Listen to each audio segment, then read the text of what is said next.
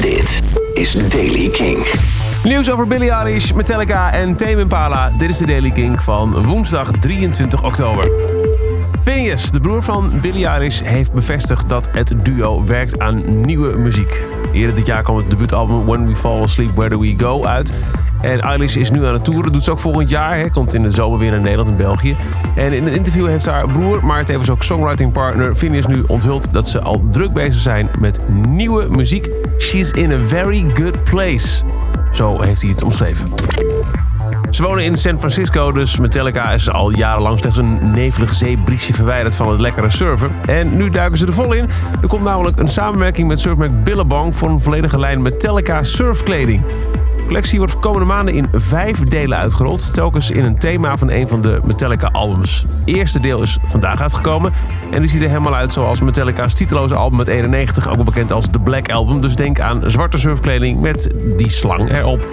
Het is niet de eerste keer dat Metallica en Billabong samenwerken. In 2007 deden ze al een reeks Death Magnetic kleding. En die werden toen uitgebracht om de overleden surfkampioen Andy Irons te eren.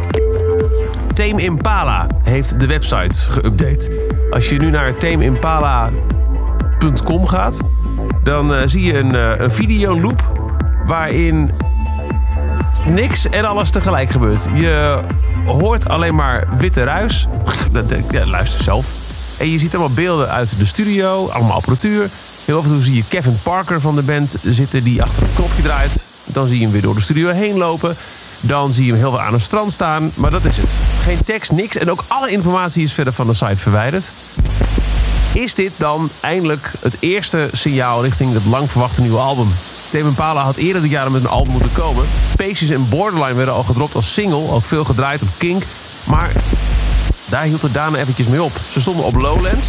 De belofte was eigenlijk richting Lowlands dat de band daar zou staan met een nieuwe album op zak. Dat deden ze niet. Ze stonden er wel, maar zonder het nieuwe album. Nu staat hij in het water.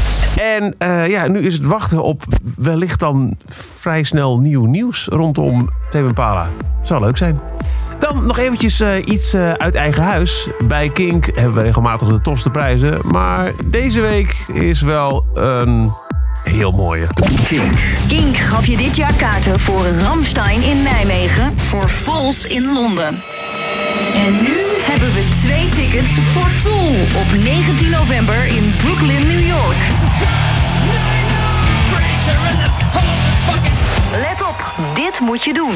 Jij bent onze persoonlijke marketing tool. Maak een foto van jezelf in een King-shirt terwijl je in het publiek zit van DWDD. Maak een video waarin je de radio hard aanzet op kantoor. Of hang een King-spandoek aan een brug over de A1.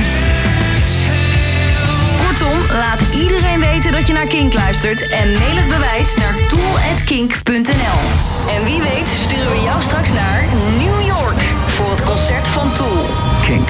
There's no alternative. Nou, uh, laat je creatieve brein maar werken. Hoe zou jij Kink willen marketen? Wees onze eigen marketing tool. Verzin iets moois, maak er een foto of video van en mail het naar tool.kink.nl.